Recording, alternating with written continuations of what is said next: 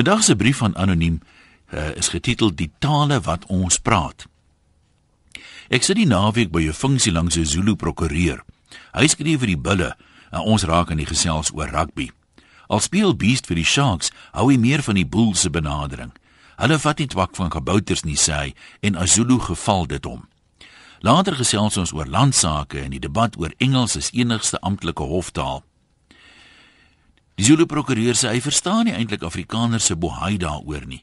Zulu sprekers is die grootste taalgroep, maar Zulu was nog nooit 'n amptelike taal of 'n hoftaal nie. Tog kon 'n Zulu nog altyd sy taal in die hof praat. Hy sê daar werk meer Afrikaners as Zulus in die howe. Dit sê hy nou met 'n glimlag, maar daar verskyn baie meer Zulus in die hof as Afrikaners. Nou vra hy vir wie se regstelsel nou eintlik die belangrikste. Mos vir die ouens oor wie die uitspraak gaan. Al is jy uh en as jy die die sake wat nou elke jaar verhoor word bymekaar sit sê, dan is dit maar net 'n paar persent wat oor Afrikaners gaan. Baie meer gaan oor Zulus en oor die ander taalgroepe. Is belangrik dat die beskuldigdes en die partye in siviele sake die hofferinge moet verstaan, vervolg hy. Maar is dit nie nog belangriker dat die regsverteenwoordigers in die landdroste en die regters dit moet verstaan nie? Dis tog hulle wat die geregtigheid moet vind. Hulle is almal mense met grade en hulle daai grade meestal in Engels verwerf. Selfs die Afrikaanse studente moes dikwels Engelse handboeke gebruik en die hofsaake waaroor hulle moes oplees was meestal in Engels. Hulle sou nie kon graad vang sonder goeie Engels nie.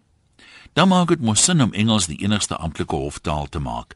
Dit beteken bloot dat alle hofdokumente in Engels moet wees en die hofuitsprake sal ook in Engels wees. Maar dan gaan ons nog steeds tolke wees om die Afrikaanse en die Zulu beskuldigdes uh, se getuienis te vertaal. Op die oomblik sê hy stop niks se Zulu of Xhosa landros om sy moedertaal met 'n Zulu of Xhosa regsverteenwoordiger te praat nie.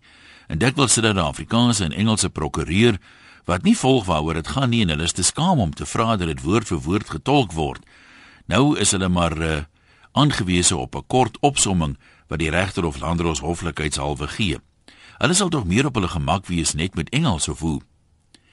Ek onthou skielik hoe ek eendag op die platteland in die hof verskyn het as beskuldigde. Ja, dis nadat ek bespoedboete nie betyds betaal het nie. En terwyl ek daar sit en wag dat my saak geroep word, vonnis die Afrikaanse landdros intussen 'n Indiër ou.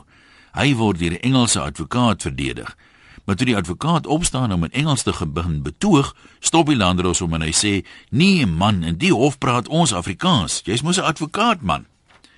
Ek sit nog daaroor en wonder toe my Zulu tafelgenoot die mat onder my uitdruk met 'n voorbeeld. Dis soos vlieg sê hy. Wêreldwyd is die enigste lugvaarttaal Engels. Dit maak nie saak wat die vlieënier se moedertaal is nie. Selfs in Frankryk en die Franse is mos daarom nou berug dat hulle nie 'n ander taal as Frans maklik praat nie. Selfs in Frankryk praat Franse vlieëniers Engels met die beheertoring, al is die ou in die beheertoring ook 'n Fransman.